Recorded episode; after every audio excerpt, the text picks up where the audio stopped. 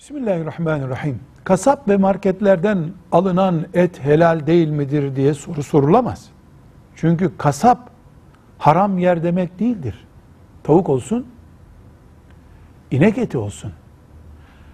Kim bu kasap? Nereden temin ediyor? Kasaplardan et alınırsa, tavuk alınırsa haramdır diyemeyiz. Marka seçeriz, kasap seçeriz.